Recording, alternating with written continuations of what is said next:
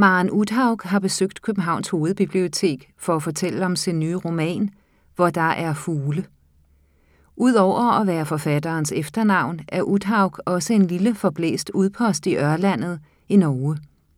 Et par kilometer ud fra kysten ligger Sjævnskjær fyr. Her bor fyrpasseren Johan med sin kone Marie og deres børn. Pigen Darling og den retarderede Valdemar, der altid står og murer som en kalv op mod blæsten. Hver især er familiemedlemmerne styret af de hemmeligheder, som de ikke fortæller hinanden, og romanen viser, hvor tæt man kan leve på andre, uden nogensinde at lære hinanden at kende. Litteraturformidler Daniel Rasten styrer slædets gang og byder velkommen med ordene God eftermiddag her på Hovedbiblioteket til arrangementet med månedens forfatter i juni måned, som er Maren Uthaug. Hun øh, er tegner og forfatter. Hun debuterede øh, som forfatter i 2013. Øhm, og hun har netop udgivet denne her. Jeg ved ikke, hvor mange af jer, der har nået at læse den endnu. Hvor der er fugle. Øh, det er for mig, som har noget at læse den, har det været en af de helt store læseoplevelser i år. Øhm, og jeg, jeg kan ikke helt sige, hvorfor og hvordan endnu, men det håber jeg, at vi kommer til at høre om, at Maren vil fortælle os om. Uthaug, det, det er faktisk øh, både forfatterens efternavn, og det er et virkeligt sted, som ligger nord for Trondheim. Øhm, Trondheim hedder det på dansk, ikke? Øhm, og øh, fyret, som er involveret, er der sågar et billede af herinde i bogen. Øhm, men en del i den her noget dystre slægtsroman, eller hvad det nu er, er muligvis også fantasi og løgn. Og i hvert fald den del af det, det, det tænker jeg er rigtig spændende at høre noget om. Men øh, nu vil jeg ikke sige så meget mere. Jeg vil sige, at ordet også bliver jeres på et tidspunkt, og øh, der kommer jeg rundt med sådan en mikrofon her, som det er vigtigt at tale ind i, for arrangementet bliver optaget til en podcast, som kan hentes på bibliotekets hjemmeside. Øh, byd velkommen til Maren Utok.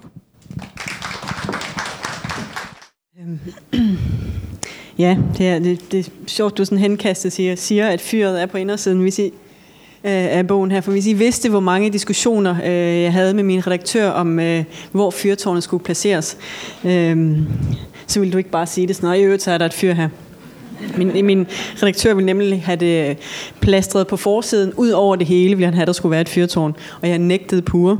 Så kompromiset blev den der lille lysklat, som I ser der. Det er fyret på forsiden, som jeg sagde. Det, det er på forsiden. Se, det er der. Øhm, og så for at være venlig, og fordi jeg skal forhåbentlig skal arbejde sammen med ham i mange år endnu, så fik han det her på indersiden. Og så har vi ikke talt om det siden.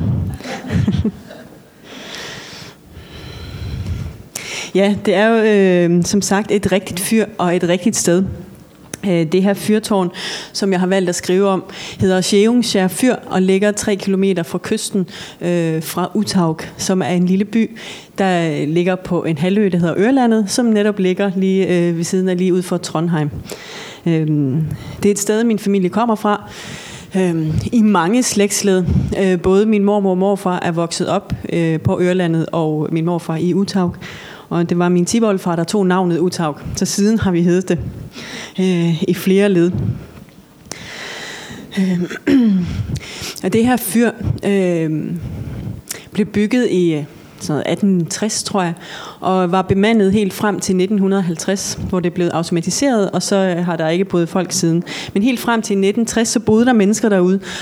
Og det var sådan, at der skulle bo en familie. Man kunne ikke få lov til at bare øh, bo derude alene og, og hygge sig med fuglene. Men øh, man skulle have en kone som minimum, og helst også nogle børn. For øh, ellers så blev man vanvittig, sagde man. Øhm, jeg har set nogle af annoncerne derfra, og der står, at man skal have et stærkt sindelag for at, og stærke nerver for at bestride det her job. Øh, for det var nemlig sådan, at der, der måneder af gangen kunne man komme til at lægge det, som de kaldte værfast, som betød, at man ikke, simpelthen ikke kunne komme til land.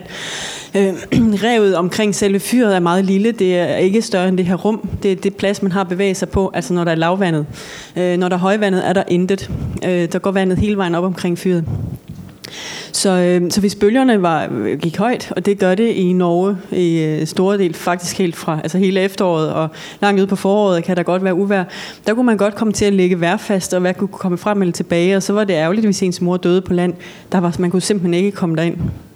Øh, jeg læste historier om, de nogle gange hang i en bog nu og prøvede at hænge banner op og fortælle, hvis de skulle have noget at vide ude på fyret.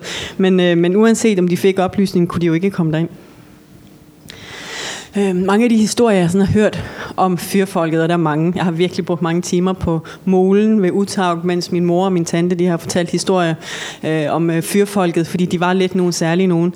Øh, det var sådan, når fyr, fyrvogteren han kom ind på land, så øh, kunne han, blev han nogle gange helt svimmel og havde lidt svært ved at gå, fordi øh, han var ikke vant til at have så meget plads omkring sig. Øh, og den sidste fyrpasser, der boede der, som hed Bolsø, han boede der faktisk i 30 år, så han var en af de øh, hardcore fyrpasser. Og hans børn, begge hans, han havde tre børn, og de voksede alle tre op. Øh, og dem voksede min mor op samtidig med. Øh, hun boede sådan en på land. Og øh, hun sagde, at når de her børn de kom ind på land, så havde de, de kunne ikke løbe, og de kunne ikke cykle, og den slags, fordi de var simpelthen de ikke vant til at have så meget plads omkring sig, at man kunne få fart på. Ikke? Så man kunne løbe tre meter den vej, og så måtte man vende om. Og, øh, når de var mindre, så blev de også bundet fast til øh, trappen ude på fyret, når, hvis de var ude på revet og lege, fordi at hvis der pludselig kom en vindpus, så kunne de blive blæst til havs. Og øh, de havde ansøgt, de ansøgt kommunen om, det var noget, jeg har læst mig til, ansøgt i kommunen om at få lov til at sætte et net op omkring revet, så børnene de ligesom ikke skulle blæse i havs. Men det fik de et nej til øh, fra kommunen, fordi at øh, Utag var på det tidspunkt en af de største sillefiskehavne, øh, sildefiskerhavne i Norge, og der kom rigtig mange fremmede skibe til, og, øh, og, og så det skulle præsentere sig flot. Derfor må der ikke være et net om, omkring revet. Øh, I dag er det sådan, at, øh, at det fungerer stadig som et fyrtårn, men, øh, men der bor jo ikke nogen derude. Men man kan få lov til at lege det. Øh, overnat, det er ikke noget luksuriøst, og der er ingen forplejning eller noget som helst. Du øh, køber noget fisk på molen, og så bliver du sejlet ud og fortæller øh, en eller anden fyr, som aldrig er den samme. Øh, og så fortæller du, når du gerne vil hentes igen. Og, og så, så er du ligesom der i de dage, som du har sagt. Øhm, jeg har gjort det nogle gange, og det er en, en virkelig en særlig oplevelse. En lille smule klaustrofobisk er det, når, når, øh, når manden han, øh, sejler tilbage til land, og man ligesom bare sidder der og tænker, jeg kan ikke komme nogen steder. øhm, så jeg, jeg, kan se, jeg kan ikke forestille mig, hvordan det har været, når man virkelig ikke kunne komme nogen steder. Ikke? jeg kan jo bare ringe til, øh, bruge min mobiltelefon og ringe. Øhm, og der er, altså det er, det er et særligt fyr. Altså det, øh, jeg var heroppe med øh, min redaktør og en fotograf. Vi tog op og lavede research og bookede os ind på fyret øh, her sidste sommer. Og det var en lidt turbulent tid, fordi min mor døde lige kort efter, så jeg skulle også begrave min mor samtidig med, at jeg var op og, og lavede research til, til fyret. Og man kunne selvfølgelig sige, kunne jeg ikke bare rygte øh, researchen? Men det kunne jeg ikke, fordi hvis jeg ville have den her bog færdig i år, så var jeg nødt til ligesom at komme derop nu, fordi man kan ikke lege det efter 1. september. Øhm, så er der ikke nogen, der må komme derud med, for så kan det være, at man ikke kan komme til land igen. Øhm, så fordi det var sådan lidt turbulent, så, øhm, så tænkte vi, at vi måtte hellere ruste os med nok alkohol, når vi skulle ud på det der fyr, hvis nu, hvis nu det skulle gå hen og blive helt slemt. Ikke? Også fordi det her var et meget vigtigt fyr for min mor også. Min unge, den unge mor havde sagt, at øh, når hun døde, så ville skulle hendes aske spredes omkring Sjærumskjær fyr. Øh, men den lidt ældre mor, hun, øh, hun blev mere nostalgisk og skulle ved siden af sin, begraves ved siden af sine forældre. Så, så det er jo et særligt sted for os. Ikke? Så vi havde nok alkohol med derud. Og en anden ting, der så er svært ved at bo på et fyr, det er at finde ud af, hvilken etage ens redaktør er faldet død om at drukke. der er virkelig mange etager. Og jeg synes, jeg, synes, jeg brugte dagene på at løbe rundt på alle etagerne og se, hvor han var faldet om hen. Øhm, eller bare finde ens egen ting kan også være besværligt nok. Øhm.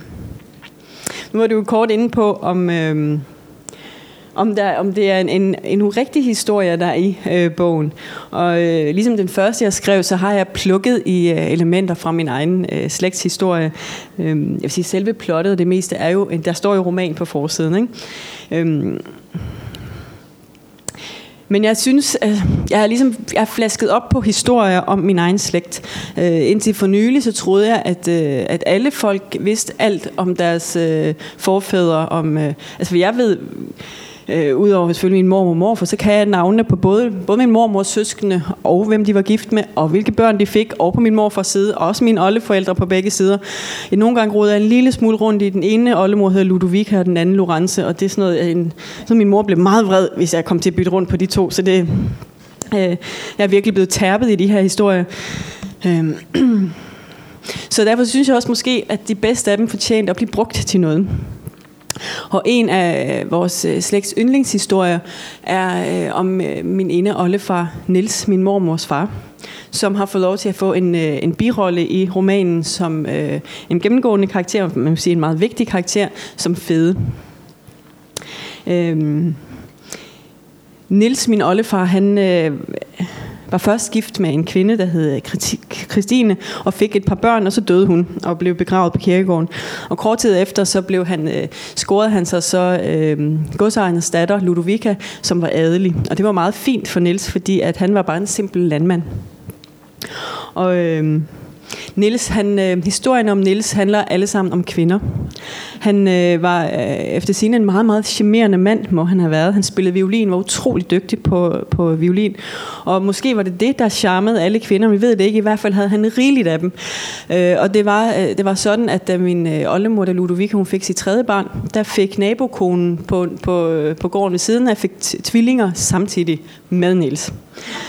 Og øh, der, der, der går historien, at Ludovica, hun tog de to børn, hun havde, lagde dem i bunden af, øh, af hestevognen, tog sin lange sorte frakke på og piskede til hesten, så for afsted øh, med hestevognen, så hendes lange sorte frakke stod bag hende.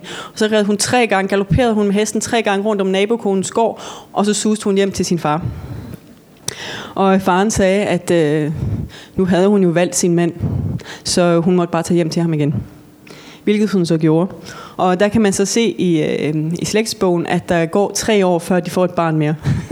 så det var jo meget det, der skulle til.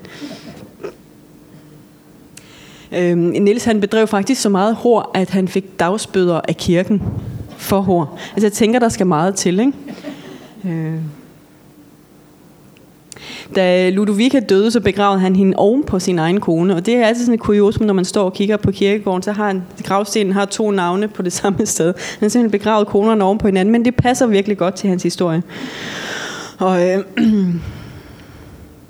så, øh, så han fik lov til at, øh, at inspirere til birollen Fede, som også er en skørtejæger af rang, og som også spiller violin, og som også får dagsbøder af kirken. En anden historie, som, øh, som jeg synes, jeg må tage med, er øh, historien om øh, min mormors søster Dagmar. For øh, historien om Dagmar er sådan, at øh, hun var så smuk, at hun aldrig blev gift. Og, og bare det er der jo simpelthen så mange historier i, ikke?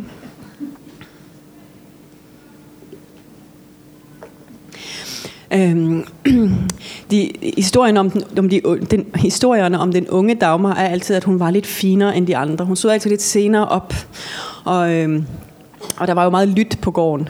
Så, øh, så min mor sagde, at man kunne høre, når Dagmar stod op, så blev potten trukket ud, og så rislede det ned i. Øh, altså, det var ligesom at blive tisset i hovedet. Øh, og der var sådan noget, der sad de gerne og spiste frokost allerede, eller sådan noget, så synes Dagmar, det var på tide, at hun kom op. Øh, hun fandt aldrig en mand.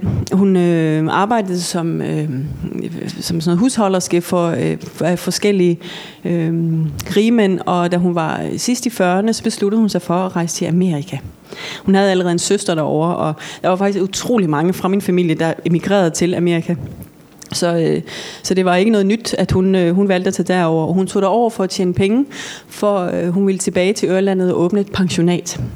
Og øh, mens hun var i Amerika, så øh, gjorde hun alt, hun kunne for at spare penge sammen.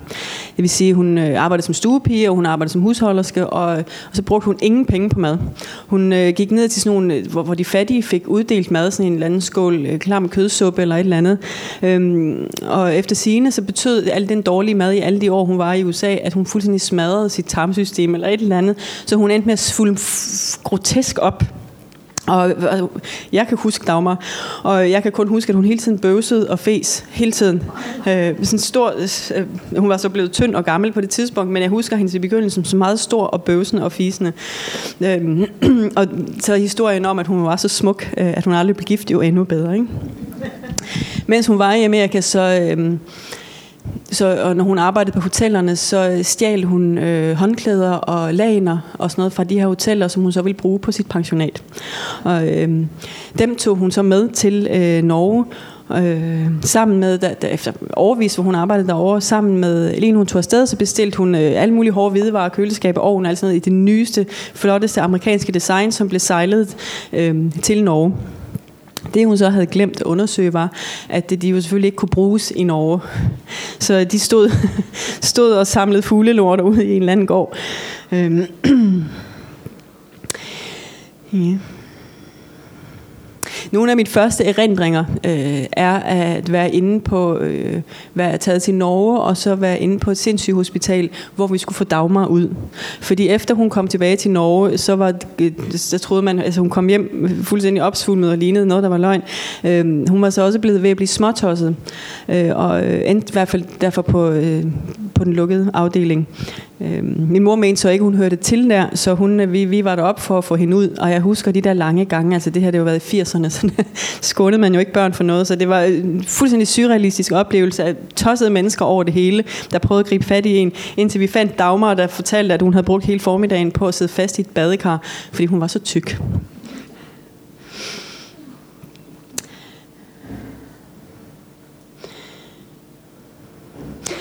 Hun fik jo så aldrig åbnet sit pensionat, og alle de penge, som var mange hundredtusind, øh, som hun havde tjent og sparet i USA, dem øh, delte hun mellem min mor og min tante. Øhm, så vi havde mange ferier, vi rejste på, som øh, var øh, tak til Dagmar. Og øh, alle de håndklæder og øh, laner, som hun havde stjålet, dem har vi stadig nogle af.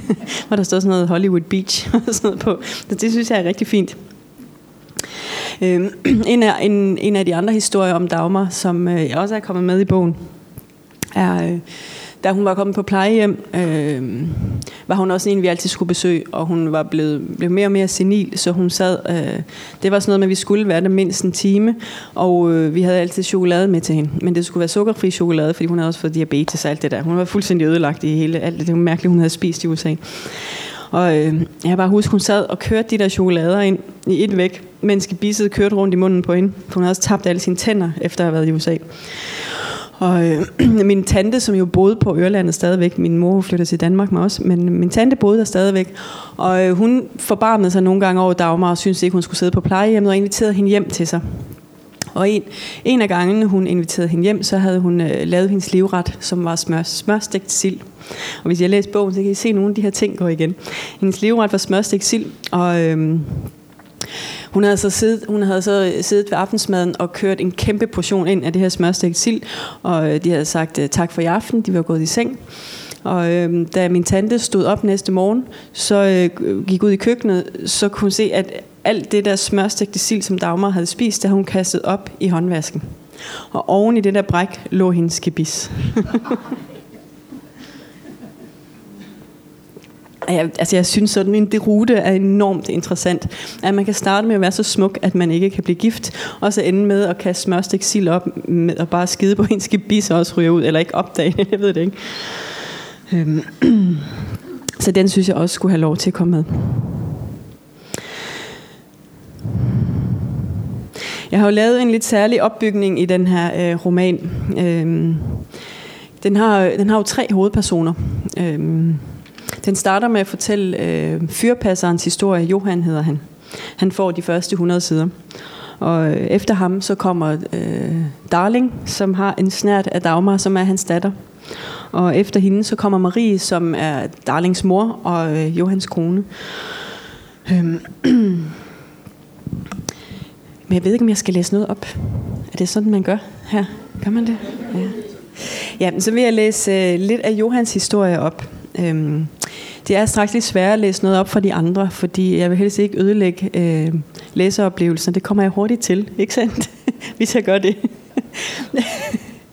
det er, ja. Det er, den er sådan bygget op, at øh, det er ikke den samme historie, jeg fortæller tre gange, men den har lige en rem af huden hver historie. Så hver gang får du en ny, øh, et nyt syn på, hvad der egentlig er sket. Øh, og det, jeg skulle gerne vende jeres øh, øh, opfattelse af historien et par gange. Men jeg kan i hvert fald starte med at læse op fra Johan. Sjævungsjær Fyr 1936 Johan kiggede ned på sin søn fra toppen af fyrtårnet. Nu stod han derude igen og brølede mod vinden. I det mindste havde han tøj på i dag. Johan rystede på hovedet. Han er alle vidste, at det ikke hjalp noget at råbe. Især ikke herude på revet, hvor man bare fik skumsprøjt i munden. Det var længe siden Johan havde råbt. Ikke siden Hanna havde stået ind på land og ventet på ham. Med hovedungen i den ene hånd og kufferten i den anden. Han havde prøvet at morse med lommelygten ind til hende. Fortælle, at han ikke kunne. Men han hulkede så meget, at han lavede alt for mange fejl med lyset. Lang blev alt for lang, fordi han skulle tørre, tørre næsen, og kort snublede ujævnt efter hinanden, som gråden ville det. Han måtte starte forfra flere gange. Det var jo ikke sådan her, livet skulle have været. Han vidste ikke, om Hanna havde set hans blink. Hun svarede ham ikke, selvom de ofte talte sammen i korte og lange blink med lyset, når de var adskilt. Han havde ikke hørt noget fra hende siden. Horungen havde, havde man fundet hos søsteren, men ingen anede, hvor Hanna var. Den slags render jo med hvem som helst, sagde de fleste, men hjalp alligevel med at lede ved bredderne, som man gjorde, når det formodedes, at endnu en fra Ørlandet var druknet. Selv havde han let efter Hanna i 12 år nu, altså når vejret tillod ham det. Martrede sig med, at det var hans skyld, at hun var død. At han svigtede hende så voldsomt, at hun ikke kunne se nogen anden udvej, end at gå i havet. Marie og han havde været gift i syv år, da Hanna forsvandt. Det var dengang Marie stadig gik op i, hvor han var og hvad han lavede. Han havde sagt, at han samlede ederduen til nye puder langs bredderne. Han ledte så meget efter Hanna, at de havde fået både nye dundyner og gode store fjer til madrassen ude på fyret. Men det var længe siden. Vel ikke noget at dvæle ved. Nogle gange føles det, som om den aften, hun forsvandt, var det eneste minde, han havde fra de 34 år, han havde levet. Johan lænede sig ind mod rækværket op i tårnet og betragtede Valdemar, der rev sig i tøjret og brølede sin længsel ind mod land. Det meste af lyden blev slugt af bølgerne, før det nåede op til ham. Selvfølgelig var det ærgerligt, at Valdemar skulle stå tøjret, selvom han var så stor, som han var. Det burde egentlig kun være, mens børnene var små, at det var nødvendigt at binde dem fast, for var du lille og blæsten stor, kunne du nemt ende i vandet. Men med Valdemar var det noget andet. Marie havde søgt kommunen om at sætte et net op omkring revet, men fik afslag. Det ville skæmme fra søsiden, og fyret var jo det første fremmede folk så, når de kom den vej fra. Marie havde været vred, men Johan forstod godt, at Ørlandet og især Utaug skulle tage sig ud fra sin bedste side. Der kom ofte både fra udlandet. Johan så Darling kom ud og trække sjalet tættere omkring skuldrene og skudte sig i vinden. Hun glemte aldrig sin bror, vidste præcis, hvornår han skulle ind, så højvandet ikke tog ham. Hun klappede ham på ryggen, som han kunne lide det, løsnede ham for rebet og gennede ham kærligt hen mod tårnet. Han lundede godvilligt med, ville vel være lige så høj som hende, hvis han rettede sig op, men det gjorde han aldrig. Hun var nu heller ikke så høj, og kunne vel ikke forventes at vokse mere, nu hvor hun var blevet 16. Men hun var høj nok til, at der ikke blev snakket. Faktisk sagde folk, at hun var smuk. Johan havde ikke lagt mærke til det. Hun var jo bare darling, den snottede og irriterende unge, der nu var blevet større. Men en dag havde han hørt gubberne foran butikken nede på havnen snakke om hende. Pæner får vi dem ikke herude på Ørelandet, havde de sagt, uden at han havde vidst, hvem de talte om. Fede havde klikket med, med tungen og lavet små vrik med hofterne. Han fik en albu i siden af en af de andre, da de så Johan komme. De kiggede flot ned i gulvet, men Fede sagde, at han bare skulle være stolt over at have en så smuk datter. Fede var kendt for at være en horebuk, og kunne vel tillade sig det med alle de penge, han havde. Johan havde trukket på skuldrene og var taget hjem. Under aftensmaden så han på Darling, som hun sad der og skovlede sild ind i munden, så smørfedtet løb ned over hagen. Måske havde de ret gubberne. Hun var da egentlig meget pæn, tænkte han og slog blikket ned, da hun så ham direkte i øjnene. Nu hørte han Marie kalde ned fra køkkenet. Johan sikrede sig, at lyset brændte, som det skulle. Skibene skulle have lys allerede ved spisetiden, nu hvor det var blevet efterår. Han åbnede dørhåndtaget med foden og sparkede døren op, og for længst holdt op med at bande over, at nogen havde valgt at sætte håndtaget så lavt. Som han havde for vane, talte han trinene ned til køkkenet, mens han gik. Der var 47. Seks trin mere, og han var i kælderen. Sæt jeg nu til bord, sagde Marie og satte en skål på gulvet til Valdemar, der lydigt satte sig på, et lille, på sit lille tæppe og trak benene op under sig. Det var længe siden, de havde opgivet at få ham til at sidde sammen med dem ved bordet. Det er det sidste grønne, jeg har, sukkede Marie. Gud skal vide, hvad jeg skal få i ham vinteren over. Hun så bekymret på Valdemar, der nippede til salaten. Du skal vente til vi har bedt, det ved du godt, formanede Marie. Han stoppede straks og så undskyldende på sin mor. Hun klappede ham kort på hovedet og trak sin stol helt ind til bordet. Johan tog Darling i den ene hånd og Marie i den anden, lukkede øjnene, takkede for kartoflerne og den kogte fisk. Darling strøg langsomt sin tommelfinger hen over indersiden af hans håndflade. Han trak hånden til sig. Amen, sagde Marie og smilede til dem begge.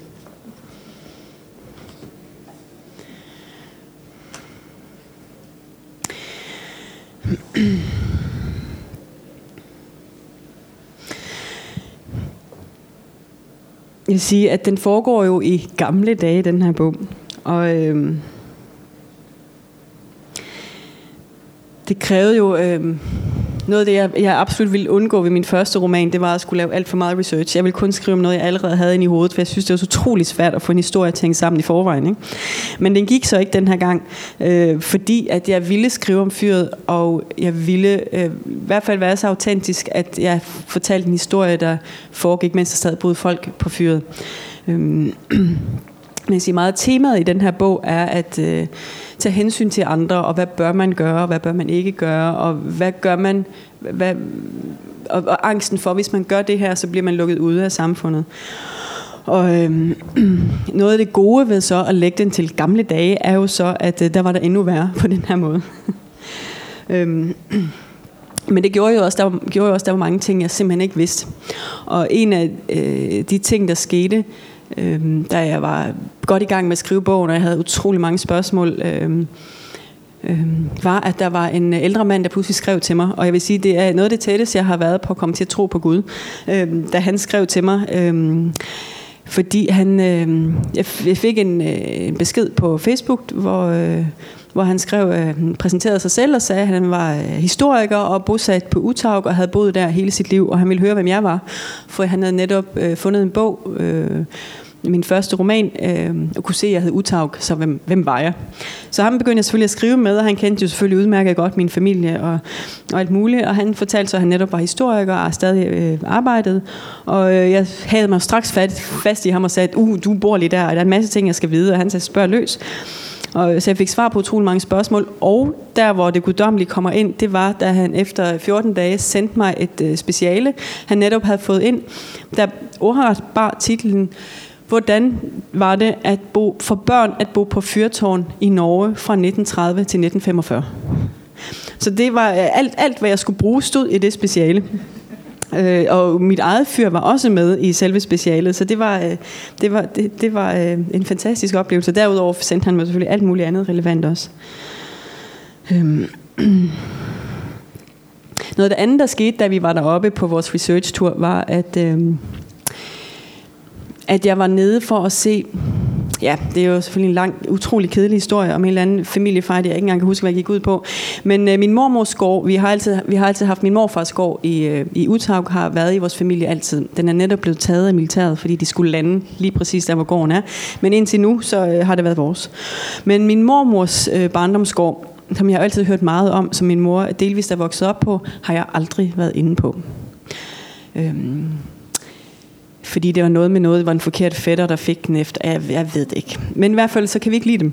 Det, det er det eneste, jeg vidste. Det var, vi kan ikke lide dem, og der er ikke, der, der, man skal sådan noget himmeligt med øjnene, hvis man møder dem tilfældigvis på gaden. Så det har jeg gjort hele mit liv. Himlet og tænkt, hende der Kari. Altså jeg ved ikke engang, hvem Kari er, men hende der Kari. Øhm, men det sjove er, at øh, jeg boede så hos øh, min tante, som desværre øh, også var død på det her tidspunkt. Men hendes gård, øh, som min kusine nu har, ligger en spytklat fra min mormors fødegård. Øh, og alligevel har jeg aldrig været inde på den. Men en eller anden nat, øh, den første eller den anden nat, vi var der, før vi skulle ud på fyret, der øh, sad vi igen og prøvede at drukne mine øh, sover i, øh, i snaps. Så øh, da vi havde drukket en del af det, så fandt min redaktør og jeg ud af, at øh, fuck det lort, vi går ned og bryder ind. det jeg vidste, det var, at den her familie bruger, øh, som er ja, en af min mors kusines efterkommer, ikke? min mormors lillebrors efterkommer er det. Jeg vidste, at de bruger det som sådan et sommersted, så de, øh, de var der ikke. Der var ikke, der var ikke nogen hjemme. Så vi gik op og vækkede fotografen, fordi no, for nu skulle vi ned og bryde ind på den her gård. Og fordi noget af det, jeg vidste, som jeg var meget interesseret i, var, at øh, Fedes violin, som er vigtig i den her roman, som altså AK min oldefars violin, skulle hænge på væggen ned på den her gård. Så øh, også ned til den her gård og prøve at ruske i alle mulige døre og øh, den slags. Og der var ikke noget, der var åben. Og øh, jeg, jeg prøvede så at kigge ind af det første vindue, og det første jeg ser, det er så sådan et stort portræt af min oldemor, der kigger vast på mig. Og jeg bliver sådan helt, og vi ender så desværre med at blive enige om med os selv, at vi overhovedet ikke, vi er jo nogle slattende typer, slattende forfattertyper, så vi kan jo ikke bryde ind nogen sted. Så i stedet for så øh, kontaktede jeg næste dag øh, en af efterkommerne og øh, spurgte, om det ville være muligt, at jeg kom ind. Fordi noget af det gode ved, at ens mor dør, det er, at man ikke behøver at øh, videreføre de her fighter, som man ikke ved, hvad går ud på. Så jeg ringede bare og var flink, og var hun skidesød. Hun var flinkere end noget af det andet slægt, som jeg skal kunne lide. Så hun kørte hele vejen ind fra byen, to timers kørsel, kørte hele vejen ind for at, øh, ud på øh, øen for at lukke mig ind på den her gård. Hun havde endda boller med. og kaffe, og det var så hyggeligt. Det er simpelthen så rart, at man ikke behøver at videreføre sådan en fight. Jeg tror ikke engang, hun ved, at vi var uvenner. det, var, fantastisk. Og jeg fik lov til at holde øh, violinen. Og hun vidste ikke engang, at det var min oldefars violin, så på den måde, så kunne vi jo hjælpe hinanden. Og alle mulige ting, som jeg altid har hørt om hele mit liv, kunne jeg så få lov til at se på den her gård. Jeg kunne endda se Dagmars potte, og se Dagmars værelse, som stadig hedder Dagmars værelse. Så det var helt fantastisk. Ja.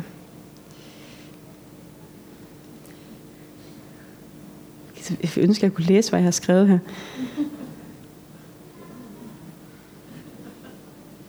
Ja, det kan jeg ikke. Jeg aner ikke, hvad jeg skal sige. Nej, øhm, jeg har ikke så meget mere at sige. Altså, hvis nogen har noget at spørge om, må de endelig øhm, kaste dem efter mig. Ja, så skal vi tænde for den her. Den virker.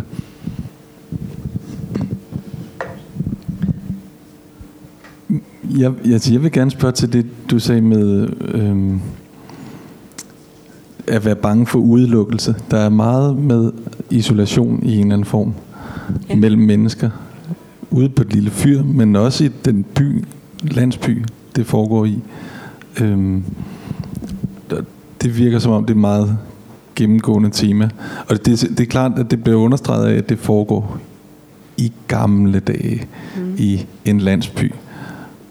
Men det er vel noget, du har haft behov for at skrive om, også som forfatter nu? Ja, for jeg synes, øhm, jeg synes noget, noget, som er virkelig interessant, er den ensomhed, som opstår, når man er sammen med andre mennesker. En ting er at ligge alene hjemme i sengen og ikke have noget at kede sig og føle sig ensom. Det er på en eller anden måde til at dele med. Men jeg synes næsten, det er mere knugende, når man især i sådan familierelationer nogle gange, man kan sidde der med fire mennesker, og de er det eneste, på, i den her situation, så ser man ikke andre i månedsvis måske. Og så er det en ensomhed, der opstår sammen med de her mennesker. Altså man ikke kan man ikke kan række ud, man kan ikke komme tæt på hinanden. Der er alle mulige ting i relationen, som gør, at man ikke kan gribe ud efter hinanden. Så øh, min, en af, nogle af mine oplevelser har i hvert fald været at skulle være tæt på de her mennesker. Jeg skal være lojal og alt muligt, men jeg har fornemmelse af, at de aner ikke, hvem jeg er. Og, og, og det har jeg sådan videregivet til de her tre hovedpersoner, at de kender jo hinanden virkelig dårligt. Øhm, og har, øh, altså der er ingen, der rækker ud, og der er ingen, der gør forsøget. I hvert fald ikke på, på samme tid, så ja. Men der, I må endelig sige til, hvis I har spørgsmål. Men på et tidspunkt er der så det fortalte du også øh, indledende, at øh, der er en person, der, der bryder ud i hvert fald og rejser væk. Men alligevel er der, nu blander vi så virkeligheden og fortællingen, men, men hvad er det, der så får en til at vende tilbage og have en ambition om det, og ikke bare sige, lad mig komme, om at komme væk fra det her lille hul. Altså jeg synes noget af det, der er interessant ved alle dem, der rejste til Amerika dengang, det var, altså jeg kender jo stadig til dem. Og jeg har også besøgt efter, altså haft nær kontakt, det, det er sådan noget, så min mor døde, skulle jeg til at ringe rundt til halvdelen af Amerika, ikke? Øh, altså fordi det stadig er nære relationer, og de holdt jo virkelig øh, fast i deres familie i Norge stadigvæk. Det var ikke sådan, at de bare forsvandt øh, ud i det blå. Altså, altså noget af det, Altså jeg tænker også, der er forskel på kvinder og mænd, fordi de fleste af dem, der emigrerede i min familie, var kvinder. Og kvinderne, der emigrerede. Og de er måske mere tilbøjelige til at holde fast i, så er der en mor derhjemme, eller søstre, eller et eller andet. Ikke? Det, måske har mænd nemmere for at forsvinde ud øh, af sted. Jeg ved det ikke, det, det er bare en teori, jeg har. Øhm. øhm. Og jeg ved, at når, når der så, altså jeg har for eksempel en af mine øh, morfars søstre, Jorun, hun, der er en historien om kaffekanden kaffekandehistorien. Og det, det er meget godt, der er de her historier, fordi at nu hvor jeg går og rydder op efter øh, min mors, øh, min mors ting, at der er simpelthen så mange gamle ting, og jeg, altså sådan noget, min morfar har bygget, min oldefar har bygget, og en eller andens kiste, og sådan, det er helt sindssygt. Og, og det gode er, at jeg har jo alle de her historier, så jeg ved, hvad det er. Jeg ved, at det er Jorens kaffekande, fordi historien om kaffekanden, ikke? Øh, og så min søster, hun sagde, at der er jo så meget, vi ikke kan huske. Og som jeg sagde til hende, det er det, der er vores redning. For hvis vi ikke ved, hvis kiste det er, så kan vi sparke den ud. Der er jo grænser for, hvor mange kister, sådan nogle, øh, øh, sådan nogle tøjkister, man kan have stående i sit hjem. Men øh, min historie om kaffekanden, jeg har lige, det, det er første gang, jeg har den er taget i brug, det er jeg sikker på, siden Jorun hun øh, er død. Øh, der er sådan et særligt stel, som åbenbart var meget på mode i 40'erne, øhm, med, med ret grimt hvidt, og så sådan noget guldkant, og så sådan nogle røde roser. Det er ikke, det er ikke øh, retrofit på nogen måde. Men, øh, men det har i hvert fald stået i det fine skab hjemme med min mor altid. Og jeg kan ikke mindes, at jeg nogensinde har rørt ved det. Vi har måttet kigge gennem glasset på det fine stel. Og øh, meget af det var fra min mormor, men der var kaffekanden, som var i, i samme stel, som havde været Joruns. Og øh, Jorens historie var, at hun øh, fandt en kanadier, som hun, øh, som hun giftede sig med, og øh, hun øh, emigrerede derfor til Kanada. Og hun pakkede alle sine ting ned, øh, blandt andet hele sit rosenstel, øh, som hun selvfølgelig skulle have med til Canada. Ikke? Og øh, derover blev hun, jamen, de bosatte sig, og hun fik en søn, og så ville hun hjem øh, og vise sin mor øh, sønnen, da han var fem år. Og hun rejste sig hele vejen ned gennem øh, USA og skulle øh, sejle fra øh, New York. Og før hun kom så langt, lige da hun kom til New York, fik hun et telegram om, at hendes mand var død. Så Jorun tilbage til Canada, øh, pakke hele sit lort ned igen, inklusive rosenstillet, og fragte det hele tilbage til Norge. Og da hun øh, lagde an i Trondheim, der øh, var det eneste fra rosenstillet, der ikke var blevet knust, det var kaffekanden. Så den har stået i min morskab nu i 300 år. og den har jeg snuppet. Min søster, hun ved det ikke. For hun sagde, vi ved ikke, hvad vi skal gøre med det. Lad, bare lad det stå. to kørte min søster afsted. Mig med kaffekanden. Øh, så, så den har jeg serveret øh, te i op til flere gange. Let rystende. øh, synes du, det er synd, den ikke bliver brugt? Jeg tænker jo også, du klarede det hele vejen fra Canada. Nu får du hvad? Fire uger i mit hjem, og så er du færdig. men øh, ja, jeg ved ikke, hvordan jeg... Jo, men jeg tror, det jeg vil sige, det var, at hvis de for eksempel ikke havde, hvis manden døde eller andet, så kom de jo tilbage igen. Øhm, så relationen til fædrelandet var stadig stærk.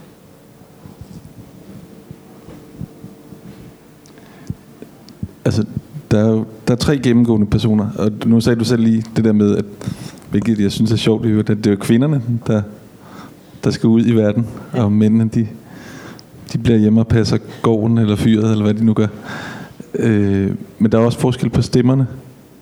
Øh, jeg tænkte, altså jeg kunne godt tænke mig at høre lidt mere læst op, ja. hvis der var nogen, der... Det kan jeg godt.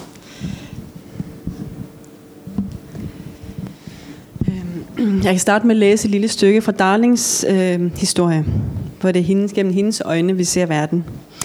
Øh, lige her, hvor vi dumper ind, der er hun øh, 18 år, og hun øh, er på vej til Amerika. Øh, en af de personer, vi møder i det her stykke, som, øh, som jeg vil læse op, er, hvis I husker det for det første, jeg læste op, så var det Hannas horeunge, der var blevet dumpet hos søsteren. Øh, hun hedder Lillen, og det er Darlings veninde. Sådan sagde faren, da han satte kufferten i båden. Hun skrev, Darling skrev ombord. Han skubbede båden ud i vandet og hoppede selv i. De roede i tavshed. Halvvejs trak han årene op for at tage et hvil. De var i god tid til færgen. Hun bemærkede, at han var mere gråhåret end sidst hun så på ham. Jeg håber, du klarer dig derovre, sagde han og så lige forbi hende. Ro nu, jeg når, ro nu, så jeg når færgen, sagde Darling og trak jakken tættere omkring sig. Selvfølgelig klarede hun sig. Hun havde altid klaret sig. Lige siden den sommer på land, hvor hun netop ikke troede, hun ville klare den. Siden havde hun vidst, at hun var typen, der ville rejse sig, uanset hvad.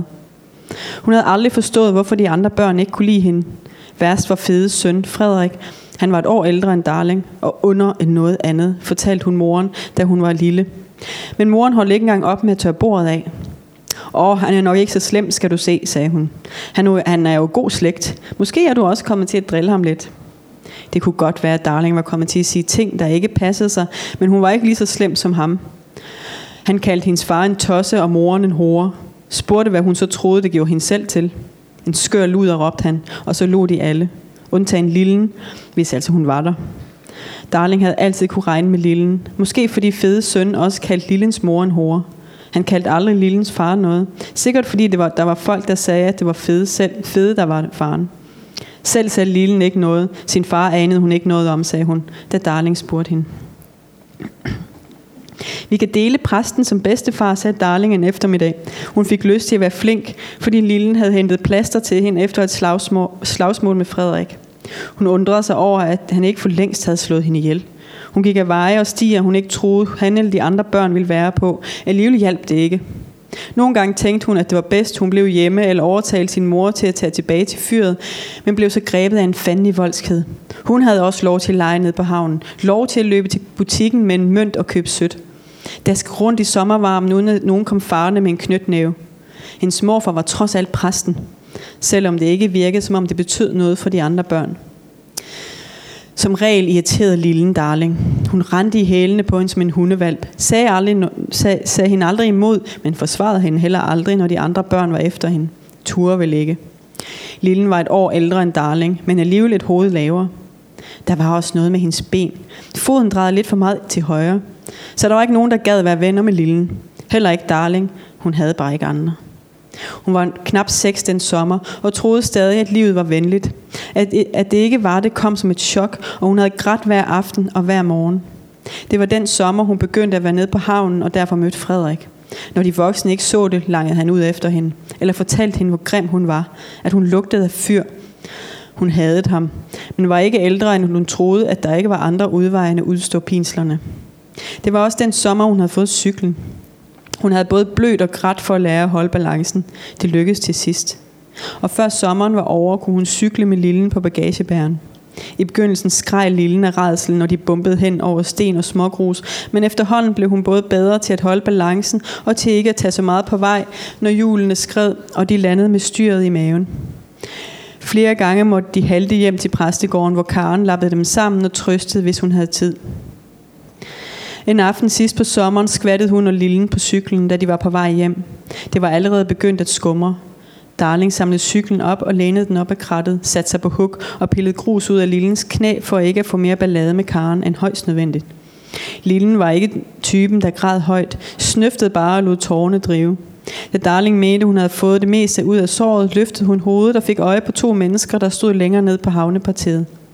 Det var der ikke noget særligt ved. Havnen var det sted, der var flest mennesker. Det særlige var, at hun var sikker på, at det var sin far, at det var Johan, hun så. Det er min mor, det er Hanna, viskede Lillen. De holdt om hinanden og kyssede længe. Så lang tid, at Darling og Lillen skyndte sig om bag busken, hvor de koncentrerede sig om at trække vejret stille. De blev siddende, til de var gået hver til sit. Darling trak cyklen hele vejen hen til præstegården med Lillen bagpå. Hun frøs. De talte ikke om det og var lettet, da det lykkedes dem at komme forbi gæstene foran præstegården, uden at de skrabbede.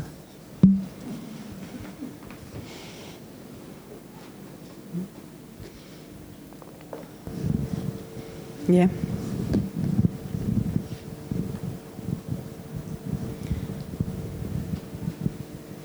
Ja.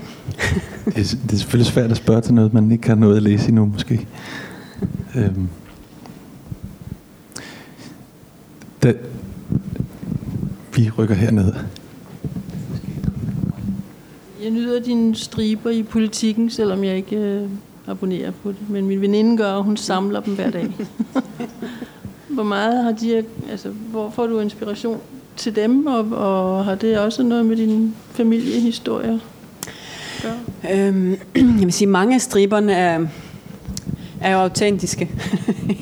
Øh, jeg har heldigvis tre skøre børn, der kan drive mig til vanvid og få mig til at lave striber om dem. En eller anden øh, ventil skal man jo have. Øh, mange er også bare noget, jeg finder på. Øh, og det er noget med at læse aviser og være på Facebook, se hvad folk snakker om, øh, til tv-serier, følge med generelt. Ikke? Øhm, så øhm, så på, på mange måder, så er det jo også noget, jeg bare lader, lader mig inspirere af. Men det er jo også bare en hverdag. Altså, det er jo hverdagsstriber, jeg laver.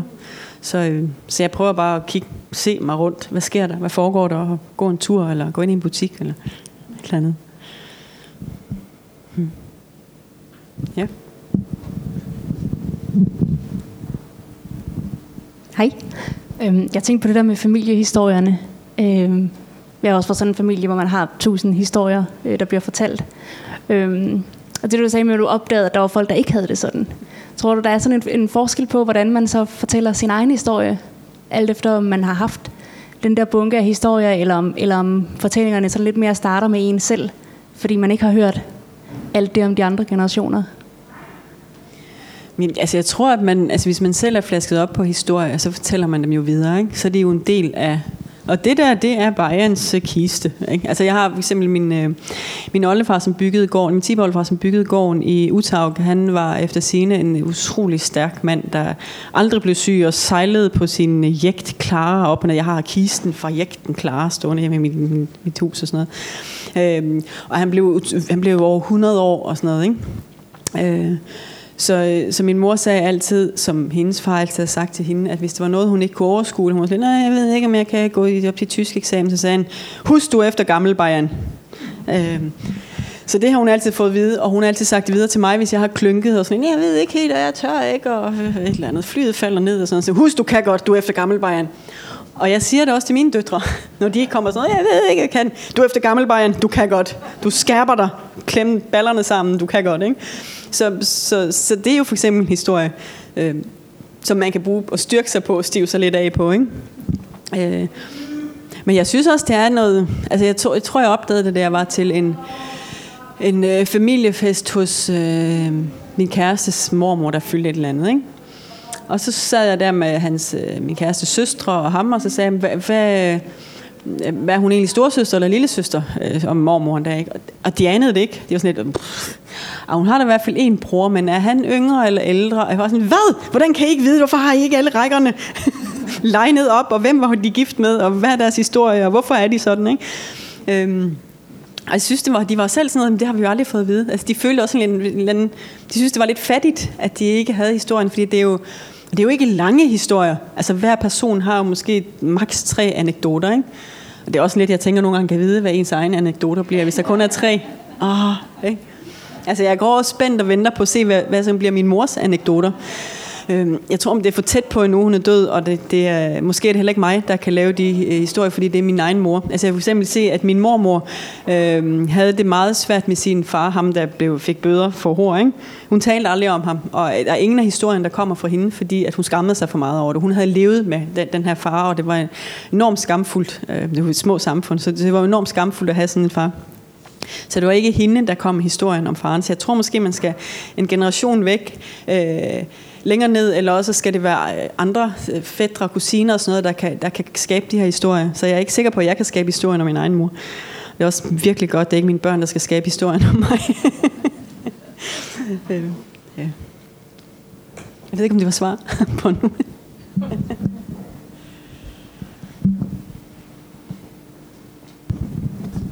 de har vel også med, med sted at gøre, de der mm. historier. De, jeg tænker på, en ting er slægt, men, men slægten er også baseret et sted. Altså, bogen er meget, rigtig meget her er den by, der hedder. Ja, og det var, altså, det var simpelthen også fint at bruge så meget tid deroppe i hovedet. Øhm, jeg var altid kommet på Ørelandet, vi har haft den her gård i Uthaug, så det er jo jeg har været der, øh, en af de eneste få steder, jeg har været, siden jeg var helt spæd, og jeg er kommet der. Øh, ikke engang om året, men så tæt på som muligt. Ikke? Øh, og det er jo ikke et sted, jeg sådan har tænkt så meget over, ellers det er jo bare et sted, man har taget op, og så har man siddet der øh, og været lidt, og så har man taget til, tilbage, hvor man nu boede hen.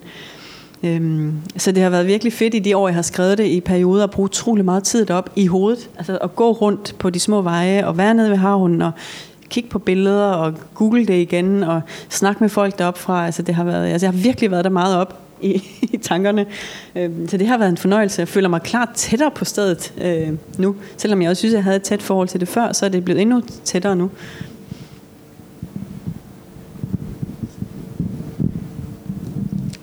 Ja, hej. Øh, jeg tænkte på, øh, du, du boede jo derop, og jeg kan ikke lige nu huske, hvor længe du boede der. Jeg, jeg undrer mig over, at der ikke er spor accent i dit sprog, når du har boet i Norge som barn.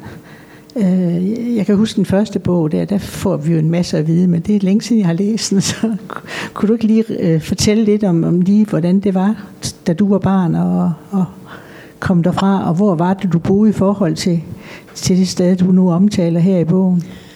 Altså, jeg har aldrig boet i Utaug. Det er et sted, jeg er kommet. Øhm, jeg, boet, jeg er vokset op i Sapmi i Lapland, som man ikke kalder det mere. Det er som at sige så det prøver vi at lade være med. Men hvis jeg ikke siger det, så er der ikke nogen, der ved, hvor det er. Så Lapland. øh, der er jeg vokset op. Min far er same, og min mor er nordmand. Ikke? Så jeg er vokset op øh, helt op på toppen af Norge, øh, på grænsen til Finland næsten, og Rusland.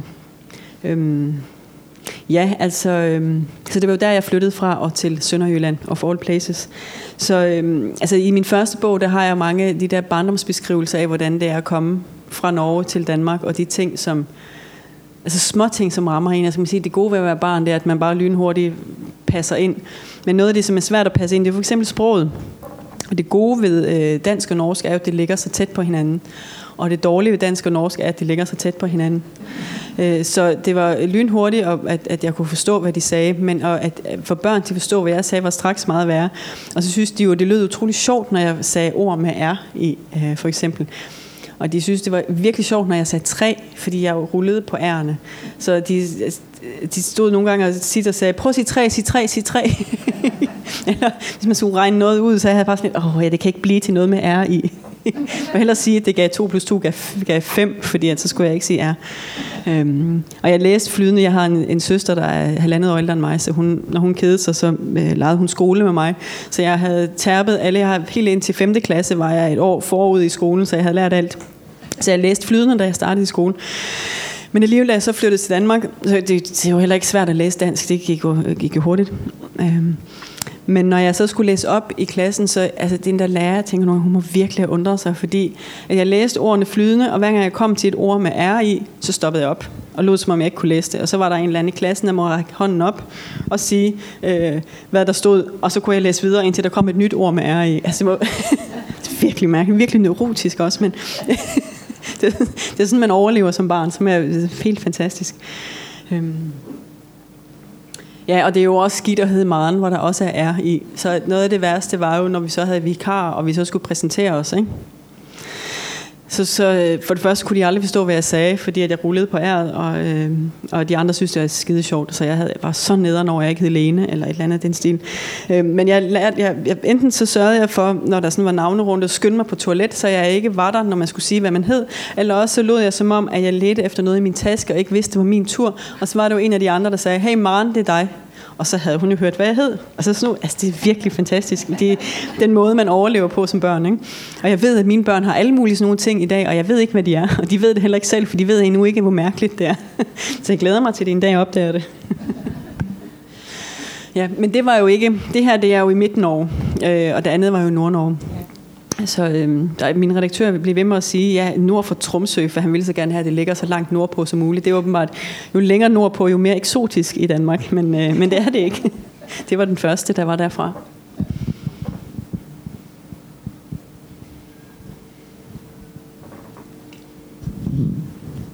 Jamen, øh, det oplagt spørgsmål er jo, at er der så flere familiehistorier, der skal ud i verden nu? Eller er der for meget research i den slags ting til at...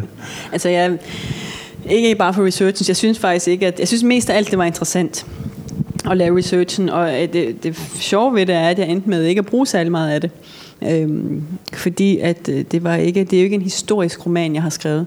Så det er faktisk lidt ligegyldigt hvilken slags kaffe kan eller hvordan man hælder fra den eller, eller hvilken slags tøj på. Men, men det var rart at vide alligevel fordi jeg kunne ikke give dem underbukser på hvis man ikke havde den slags. Og det altså du ved er man strøm og sådan nogle ting. Så, så, så det meste blev faktisk ikke brugt. Det var bare for at sikre mig at jeg ikke gjorde noget forkert. Altså, det er jo heller ikke en, en roman med lange øh, miljøbeskrivelser, naturbeskrivelser. Det, det er jeg ikke så meget til. Det er sådan noget, jeg selv virkelig skimmer hurtigt hen over i andre bøger, så jeg gider heller ikke skrive dem. Øhm, jeg siger kun noget om vejret, hvis det er vigtigt for stemningen. men øh, så, så min... Og ikke på grund af researchen, men mest bare for udfordringen, vil jeg gerne... Den næste vil jeg gerne have... Øh, lander her i nutiden. Jeg vil gerne skrive en bog, som foregår nu. Øh, det er i hvert fald ambitionen. Og lige nu er jeg der, hvor jeg ikke har tid til at skrive en skid. Øhm, jeg husker, jeg var til for mange år siden, før jeg selv begyndte på alt det her, der var jeg til et foredrag med Thomas Espedal, norske forfatter, som jeg er meget stor fan af. Og jeg synes, han var sådan lidt øh, selvfed. Han sad der på scenen, og så var han sådan, jamen altså, hvornår er det, jeg skal skrive? Jeg farter jo rundt til det ene og til det andet og til det tredje. Jeg har jo aldrig tid til at skrive. Jeg var sådan lidt, åh, tager du sammen. Altså, hvor travlt kan du have? Og det er ikke, fordi jeg er Thomas Espedal, men jeg, jeg, jeg forstår, hvad han mener. Jeg har også næsten ikke tid til at lave mine striber, for, øh, som det er nu. Men øh, det, det går jo selvfølgelig også over. Men øh, når jeg en dag får tid, jeg har lige booket et skriveophold øh, på halv hovedgård i december, så der skulle jeg forestille at være i fuld gang med den nye. Eller så starter jeg den, den 4. december, hvor jeg skal være der, jeg ved det ikke. Jeg skal bo i kapellet, fik jeg at vide, jeg er allerede scared shitless.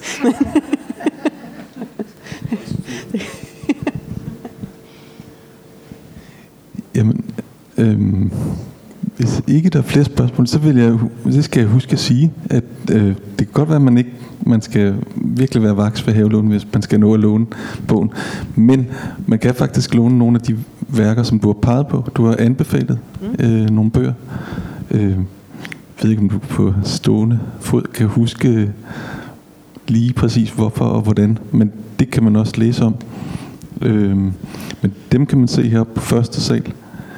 Og øh, det vil sige, en af dem har jeg jo faktisk, titlen har jeg næsten stjålet sætningen, og jeg læst, læst den op her.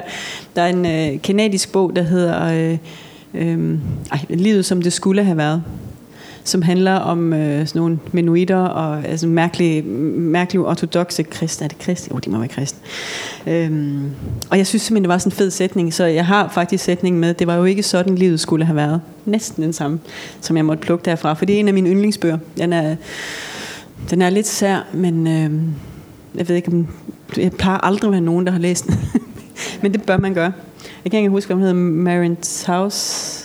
Det er den bedste af dem, bedste hun har skrevet af dem. De andre var utrolig kedelige, men den her er en, en forholdsvis selvbiografisk. Hun er selv vokset op blandt de her ortodoxe, mærkelige dudes, og, øh, som efterhånden bare, som næsten bare mest bliver beskrevet som sådan en turistattraktion øh, sådan noget, der kommer alle mulige hen for at se de her, de går i øh, mærkeligt tøj, og jeg tror, det vil gerne leve som 1840 eller et eller andet den stil. Øh, ja, det var en af dem i hvert fald. Det, det er sjovt, du bare på den, fordi du, altså, du nævnte også tidligere, at det er ruten er, er fascinerende. Altså, det er jo, det er jo ikke den, øh, den rare historie, der nødvendigvis er den gode historie. Ej, jeg hader happy ending. Jeg er helt sur på happy ending. Det er jo ikke realistisk. Det, er jo sådan, det kan godt være, at det så går skide godt i fem minutter, men så sker der jo et eller andet lort, og så igen. Ikke? Så øhm, jeg kan se, at en af de andre har anbefalet, det er Kvinden ved 1000 grader af Helgrimur Helgason, islandske. Den er også en derute. Den, det er en, øh, en øh, gammel islandsk kvinde, der ligger i en garage og venter på, hun har bestilt sin egen begravelse. Hun har sådan noget, hun har røget 80 milliarder smøger i timen og har sådan noget kol. Så hun ligger koblet til en eller anden maskine. Hun er rasende i den der garage og har slået hånden af alt. Ikke? Og venter på, at en eller anden ovn skal blive varm nok, så hun bliver brændt. Øh, og så fortæller hun sin egen livshistorie, som er intet mindre end fantastisk. Det var en af de bedste bøger, jeg læste i år. Og jeg overhovedet ikke huske, hvad jeg ellers sagde, man skulle læse. det kan man læse på hjemmesiden.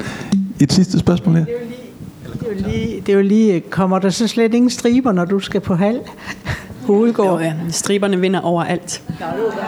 Der er ikke... Øh, det, det, de vinder altid. Det er også derfor, at øh, skrivningen... Det, det tager, den kommer, de kommer, når de kommer. Det er jo gået fire år for den her udkommet, ikke? Fordi... Øh, altså, jeg har jo deadline på striberne, jeg har jo ikke deadline på, deadline på romanerne. Så jeg kommer ingen steder. Jeg, hele min kalender handler om, hvor mange striber jeg får ud.